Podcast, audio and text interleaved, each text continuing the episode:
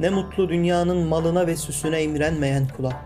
Ne mutlu ahirete talip olup onun için çalışan kimseye. Ne mutlu yalan arzularla kendini meşgul etmeyen kişiye. Merhabalar efendim. İslam alimlerinin hayatları Peygamber Varisleri serimizde bugün Ehli Beyt Okulu'nun en önemli öğretmenlerinden İmam Caferi Sadık Hazretlerinden bahsedeceğiz.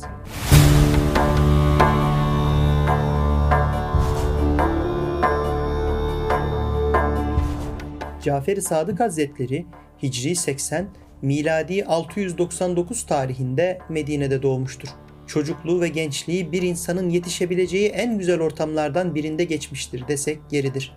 Babası İmam Muhammed Bakır, annesi Ümmü Ferve'dir. Baba tarafından dedesi Hazreti Ali'nin torunu İmam Zeynel Abidin, anne tarafından dedesi ise Hazreti Ebu Bekir'in torunu Kasım bin Muhammed'dir. Dolayısıyla Cafer-i Sadık'ın soyu baba tarafından Hazreti Ali'ye, anne tarafından Hazreti Ebu Bekir'e dayanmaktadır. İmam Cafer henüz çocuk yaşlardayken İslam alemi sıkıntılı dönemlerden geçiyordu. Kendisi Ehli Beyt nuruyla dolup taşan bir ailede yetişirken İslam dünyasında huzursuzluklar, gruplaşmalar, kafa karışıklıkları ve kalp kaymaları gittikçe artmaktaydı. Ayrıca bugünkü isimleriyle ve dallarıyla İslami ilimler yeni yeni şekillenmekteydi. Müslümanlar yabancı kültürlerle tanışmışlardı ve o kültürlerin ilim irfan anlayışı da Müslümanlara sirayet etmişti. Yine dini konulardaki ilk görüş ayrılıkları derinleşmeye başlamış, sapkın fırkalar yayılmış, kader, büyük günah işleyenlerin durumu, Allah'ın isim ve sıfatları, ibadetler gibi temel konularda insanlar uç noktalara savrulmuşlardı. Her görüş sahibi kendi görüşünü haklı göstermek için ayet ve hadisleri işlerine geldikleri gibi yorumlarken hadis uydurma alışkanlığı yayılmaktaydı. O dönemde bir de siyaset kazanı vardır ve sürekli kaynamaktadır. Kendilerine halife denilen, böyle anılmaktan hoşlanan, kendilerini İslam dünyasının lideri gören ancak herhangi bir kraldan farkları olmayan, peygamber torunu öldürmeyi, sahabe katletmeyi, alimleri hapsetmeyi, muhalifleri yok etmeyi meşru gören bir hadisin ifadesiyle ısırıcı ve zorba sultanlar hakimdir. Bu durumda İslami ilimlerin temellerinin sağlam atılması, iman ve Kur'an hakikatlerinin asli safvetiyle bozulmadan gelecek nesillere aktarılması, İslam'ın insanlardan asıl isteği olan güzel ahlakın yaşanarak gösterilmesi için hem itikat, hem ilim, hem amel, hem ahlak, hem de zeka ve tesir açısından olgun ruhlara şiddetle ihtiyaç vardı. O halde kitap ve sünnetin fıtri muhafızları diyebileceğimiz Ehli Beyt ikliminin en güzide isimlerinden İmam Cafer de öyle bir eğitim almalıydı ki hem din hakkında karışık kafaların içindeki düğümleri çözsün hem alimlerin ihtilaf ettikleri noktaları ayrı ayrı bilerek en doğrusunu tespit etsin hem de insanlara söz ve davranışlarıyla hakiki bir mürşit olabilsin. Zaten Allah Resulü'nün ehli beytinden ve mübarek neslinden gelen alimler tarihin her döneminde bu misyonu gerçekleştirmişlerdir. Abdülkadir Geylaniler, Hasan Şazeliler, Şah-ı Nakşibendler, Bediüzzaman Said Nursiler kendi dönemlerindeki karanlıklara ışık olmuş, yoldan çıkanları yola sokmuş, karışan ortalığı toparlamış, insanlara unuttukları hakikatleri yeniden hatırlatmış ve misyonlarını tamamlayıp dünyaya veda etmişlerdir. İmam Cafer'in ilk ve asıl hocaları dedeleri olmuştur. Zaten bir insanın bir dedesi İmam Zeynel Abidin, diğer dedesi de Medine'nin meşhur yedi büyük fakihinden Muhammed bin Kasım olunca, babası da ilim ve marifet denizinin kabiliyetli dalgıçlarından İmam Muhammed Bakır olunca ortaya İmam Cafer-i Sadık gibi büyük bir alimin çıkması doğaldır. İmam Cafer henüz 15-16 yaşlarındayken bile Medine'de parmakla gösterilen ve sözlerine dikkat edilen bir gençtir. Hatta onun daha 11 yaşındayken babası Muhammed Bakır ile ilmi bir toplantıya katıldığı anlatılır. Toplantının konusu dünyanın düz olup olmadığıdır. İmam Cafer de dünyanın düz olmadığını delilleriyle açıklamış ve kanıtlamıştır. Bu ve benzeri örneklerden hatta ona izafe edilen bazı eserlerden İmam Cafer'in sadece dini ilimlerle değil günümüzde pozitif bilimler denilen disiplinlerle de ilgilendiğini anlıyoruz. Mesela ünlü kimyager Cabir bin Hayyan İmam Cafer'in talebesidir ve dini ilimleri ondan tahsil etmiştir. Cabir kendi ifadesiyle kimyaya dair pek çok meselede ilhamını hocası İmam Cafer'den almıştır. Bu noktada önemli olan husus şudur ki Cafer-i Sadık pozitif bilimlerin alanına giren konuları sadece bilimsel bir faaliyet olarak ele almamış, bu alandaki bilgilerini marifetullah adına değerlendirmiş ve bir tefekkür malzemesi olarak kullanmıştır. Bu konuda her ne kadar imama aidiyeti tartışılsa da Türkçe'ye tercüme edilen Tevhid-i Mufazzal isimli bir eser de vardır. İmam Cafer'in asıl misyonu ilim ve irşaddır. O ilmi faaliyetlerine Medine'deki bahçeli evinde başladı ve bu evi bir okula dönüştürdü. Bu kutlu hane sadece aile bireylerinin günlük hayatlarını geçirdiği bir ev değil, adeta uluslararası bir üniversiteydi.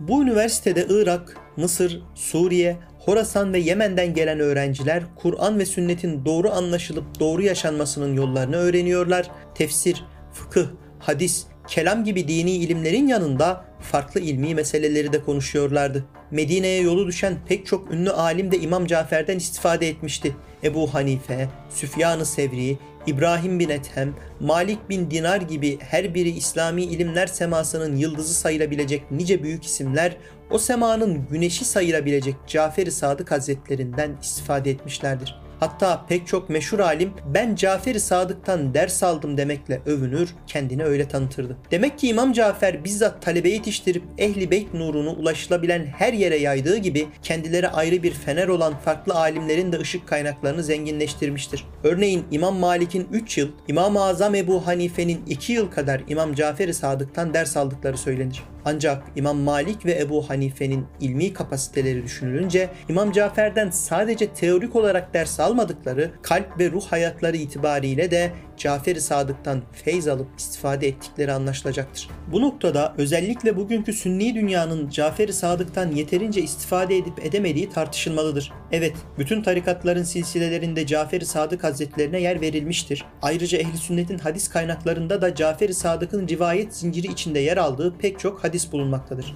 Yine de İmam Cafer'den veya Ehli Beyt'in diğer imamlarından Sünni dünya yeterince istifade edememiştir. Bunun en bariz örneklerinden birisi Cevşen duası olsa gerektir. Şia'nın ve ehli sünnetin Cevşen'in faziletleri hakkındaki zayıf ve abartılı anlatımları ile hadis usulünün teknik kuralları gereği Cevşen'in Sünniler tarafından sahih kabul edilmemesi en azından teknik olarak anlaşılabilir bir durumdur. Ancak ehli sünnet ile Şia arasındaki pek çok ortak noktanın varlığı meselenin sadece teknik bir mesele olmadığını da göstermektedir. Ehli sünnet ile Şia arasındaki siyasi çekişmeler her iki grubun da birbirlerine karşı teyakkuz halinde bulunmaları sonucunu doğurmuştur. Bu anlamsız gerginlik Şia'nın ehli sünnetten, ehli sünnetin de ehli beyt imamlarından yeterince istifade edememesi gibi bir bahtsızlıkla sonuçlanmıştır. İşte örneğimizdeki Cevşen duası içeriği ve zenginliği itibariyle harikulade bir dua olmasına, üslup ve mahiyet itibariyle bu dua ancak Efendimiz'e ait olabilir dedirtecek güzellikte ve ulviyette olmasına rağmen ehli sünnetin molla kasımları bazen ilmi taassup nedeniyle cevşeri kabule yanaşmamış, bazen de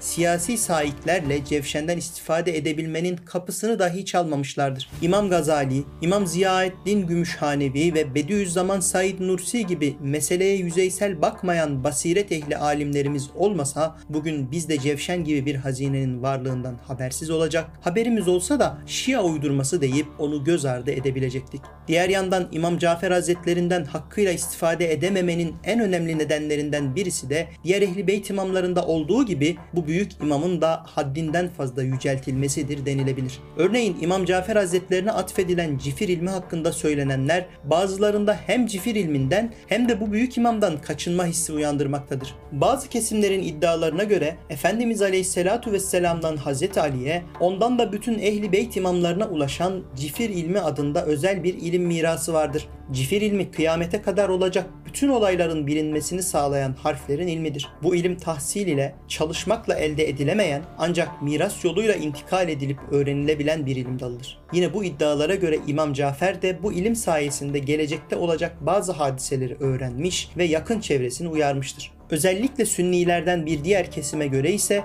cifir hakkında söylenenlerin hepsi asılsızdır. Böyle bir ilim dalı yoktur ve olamaz çünkü o bir gayb ilmidir ve gaybı sadece Allah bilir. Cifir ilminin her şeyiyle kabul edilmesi de her şeyiyle reddedilmesi de yanlıştır. İslam tarihinde sadece Cafer-i Sadık değil, Muhiddin Arabi, Ahmed el-Buni, İbni Berrecan ve Bediüzzaman Said Nursi gibi isimler de ifrata kaçmadan bu ilimle ilgilenmişler ve kendilerince bazı sonuçlara ulaşmışlardır. Ancak burada önemli olan husus bu ilmin mahiyetinin bilinememesidir. Nasıl öğrenileceğinin, nasıl uygulanacağının, faydalarının ve sorumluluklarının net bir şekilde tespit edilmemiş olmasıdır. Belki De bu nedenle İbn Haldun cifrin bir ilim değil, nadir rastlanan kişisel bir kabiliyet olduğunu söylemiştir ki cifrin vehbi yönünü düşününce bu makul bir açıklama sayılabilir. Evet, cifir ilmi ve İmam Cafer gibi bazı özel isimlerin bu ilimle ilgilendikleri kabul edilebilir. Ancak bu ilim sayesinde bu özel isimlerin kıyamete kadar olacak bütün hadiseleri önceden bilmeleri gibi aşırıya varan düşünceler kabul edilemez. O halde asıl mesele yine istismar meselesidir. İstismarlar ve kötüye kullanmalar var olan bir şey üzerine olur.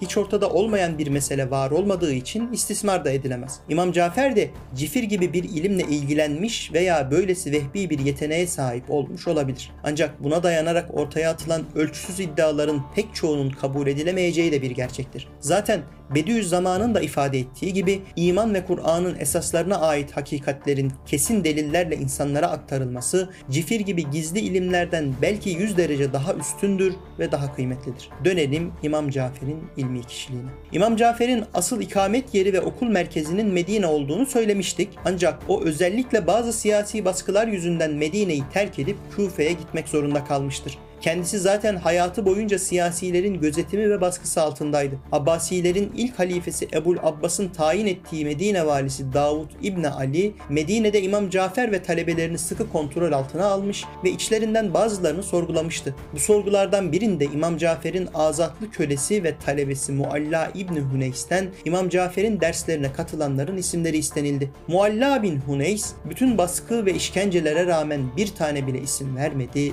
ve katledildi. Cafer-i Sadık ise baskıların artması üzerine halifenin de çağrısıyla Küfe'ye gidip bir müddet orada kaldı. Küfe'de kendilerini Ehli Beyt'e dayandıran bir grup kendi fikirlerini yaymaya çalışıyor ve referans olarak da İmam Cafer'i gösteriyordu. Ayrıca Cafer-i Sadık'a insanüstü bazı özellikler yakıştırıyor, onu bir peygamber hatta ilah seviyesine kadar çıkarabiliyorlardı. İmam Cafer bu grupları elinden geldiğince kontrol altında tutmaya çalıştı. Kendine olmadık vasıflar yakıştıranlarla kendisinin ve ehli beytin bir ilgisinin olmadığını anlattı. Hz. Ebu Bekir ve Hz. Ömer'e iftira edenlerden uzak olduğunu, onları sevmeyenlerin Resulullah'ın sünnetinden de uzak olacaklarını açıkça söyledi. Allah Resulü'nün sallallahu aleyhi ve sellem sahabileri hakkında kötü konuşanları da lanetledi. Bu noktada İmam Cafer'in en önemli hizmetinin sahih dinin bulandırılmaya çalışıldığı bir dönemde İslam'ın hakikatini hem ilmi hem de ameliyle ayakta tutmak olduğunu söyleyebiliriz. Bugün İslam dünyasında Hz. İsa'nın getirdiği hakikatlerin başına gelenler Allah Resulü'nün getirdiği hakikatlerin başına büyük ölçüde gelmemişse ve Ehli Beyt'in birer peygamber hatta tanrı olarak görülmesi gibi uçarı düşünceler yoksa veya en azından marjinal düzeyde kalmışsa bunda diğer Ehli Beyt imamlarının olduğu gibi İmam Cafer-i Sadık Hazretlerinin de rolü büyüktür. Ehli Beyt'in asıl vazifesi İslam'ın ve Müslümanların zayıf anlarında İslam aleminin manevi terakkisinin medarı ve merkezi olmasıdır. Çünkü Ehli Beyt her şeyden önce sünnet-i seniyyenin kaynağı ve muhafızıdır ve her yönüyle sünnete taraftar olmakla mükelleftir. İmam Cafer-i Sadık Hazretleri de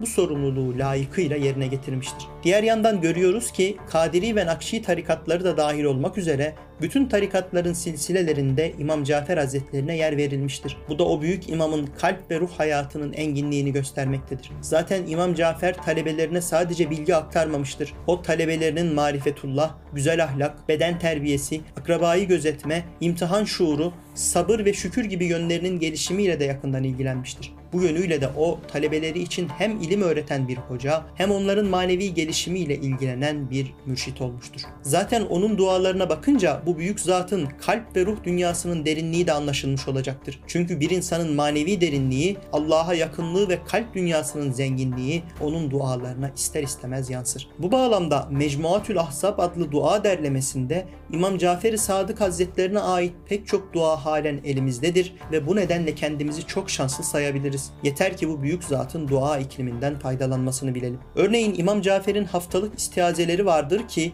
kıymetini bilen için oldukça değerli bir hazine hükmündedir. Bu haftalık istiaze usbuiye duası olarak bilinmektedir. 7 parçadan oluşur ve haftanın her günü için bir parçası okunur. 7. gün ise istiazenin hitamı mührü ile birlikte okunur. İlk günün duası afet ve hastalıklardan korunmak, ikinci günün duası nazardan korunup şeytanı uzaklaştırmak, üçüncü günün duası büyü ve sihrin, şeytanların ve cinlerin, zalimlerin ve zulmün şerlerinden korunmak, dördüncü günün duası düşmanlara, tuzaklara, musibetlere karşı 5. günün duası gece ve gündüz ansızın gelebilecek belalara ve habis ruhlara karşı 6. günün duası insanlardan ve cinlerden gelecek zararlar ile hastalık ve iç sıkıntısına, gönül darlığına karşı 7. günün duası ise nazardan korunmak, makbuliyet, heybet, ilahi yardım, emniyet ve lütuflara mazhar olmak içindir. Bu usbuiye duasının bir güzelliği de şuradadır ki İmam Cafer-i Sadık Hazretleri bu duayı okuyanları ve duanın metnini yanında taşıyanları da kendi duasına dahil etmiştir. Çünkü bu 7 günlük duanın 7 parçasının 7'sinde de bu duayı taşıyan ve okuyanlarla beraber ibaresi geçmektedir ki bu duayı okuyanlar kendilerini İmam Cafer-i Sadık'ın hemen arkasında onunla birlikte dua eder halde hissedebilirler. Demek ki bu duayı okumakla ve taşımakla o büyük zatın dua ettiği kişilerden olma bahtiyarlığını elde etmemiz mümkündür.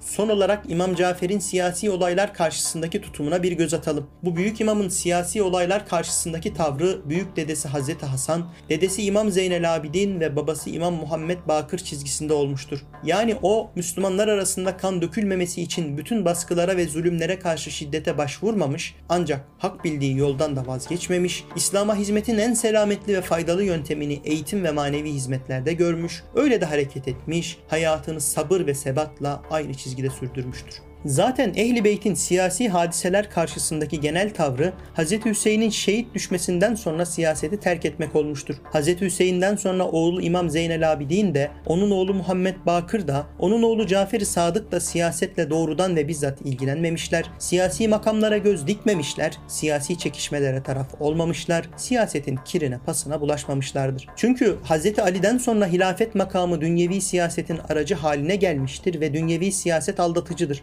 Hatta Bediüzzaman'ın dediği gibi denilebilir ki siyasetçiler genellikle tam müttaki dindar olamazlar. Tam ve hakiki dindar, takva sahibi olanlar ise siyasetçi olamazlar.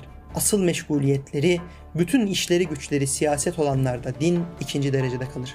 Ehli beyt ise siyasetin geçici ve çirkin işleriyle değil, iman ve İslam hakikatlerini, Kur'an'ın hükümlerini muhafazayla vazifelidir. Bu vazife dünyevi siyasetin her türlü makamından da, hilafetten de, saltanattan da kat be kat üstün bir vazifedir. Dolayısıyla Ehli Beyt, ümmeti Muhammed'in manevi saltanatına talip olmuş ve bu vazifeyi hakkıyla yerine getirmiştir. İmam Cafer-i Sadık da yaşadığı süre boyunca hilafet veya bir siyasi makam anlamında imamet iddiasında bulunmamıştır. Bu konuları kimseyle tartışmamıştır. Abbasilerin Emevileri yıkarak iktidara geçmelerinden sonra Abbasi devriminin önemli isimlerinden Ebu Müslim Horasani bir mektup yazmış ve İslam halifeliğini Cafer-i Sadık'a teklif etmiş. Bu konuda Horasanlıların desteğini de belirtmişti. Ancak İmam Cafer bu mektuba cevap olarak mektubu yakmıştı. Böylece hilafette siyasi makamlarda gözü olmadığını açık bir şekilde belirtmiş oluyordu.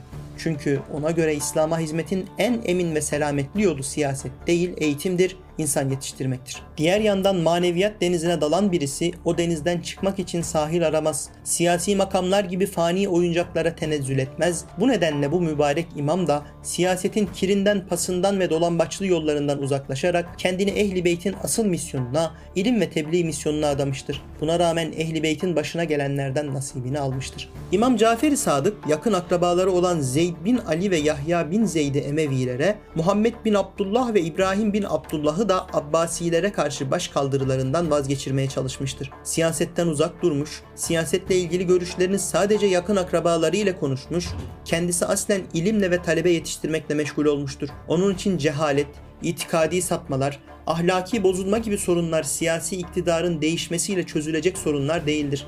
Bu sorunların çözümü için ilmi ve manevi bir mücadele gerekmektedir ki bunun da tek yolu eğitimdir, insan yetiştirmektir. İmam Cafer-i Sadık da bu yolu tercih etmiştir. Yetiştirdiği öğrenciler vesilesiyle de İslam'ın asli duruluğunun günümüze kadar ulaşmasında son derece önemli bir rol oynamıştır. Bu büyük zat Hicri 148, miladi 765 yılında yine kendi yakarışı olan Ey merhametlilerin en merhametlisi olan Allah'ım rahmetine dehalet ediyorum. Beni bahtiyar olarak yaşat ve şehit olarak öldür. Duasına uygun bir biçimde bahtiyar bir hayat yaşadıktan sonra şehit veya hakka şahit olarak vefat etmiştir. Bazı kaynaklara göre dönemin muktedirleri tarafından zehirlenmiş, kimilerine göre de normal bir ölümle veda etmiştir dünyaya. Ne şekilde olursa olsun hayatını manevi cihada, tebliğ, ilim ve irşada adayan, Dedelerinin manevi mirasını geleceğe taşımada bir köşe taşı olan Ehli Beyt'in bu Mehdi misal ismi şüphesiz ki hakkın ve hakikatin en kutlu şahitlerindendir. Vefatından hemen önce etrafındakilere son olarak kainatta imandan sonraki en büyük hakikat olan namazı vasiyet etmiş, bilmiş olun ki bizim şefaatimiz namazı küçümseyenlere ulaşmayacaktır diyerek son uyarısını yapmıştır. Mübarek naaşı Baki mezarlığında babası Muhammed Bakır, dedesi Zeynül Abidin, büyük annesi Hazreti Fatıma ve büyük amcası Hazreti Hasan'ın bulunduğu bölgeye defnedilmiştir. Allah kendisinden ebeden razı olsun ve bizleri de Ali Beyt-i Mustafa'nın arkasında haşrolanlardan eylesin. Amin.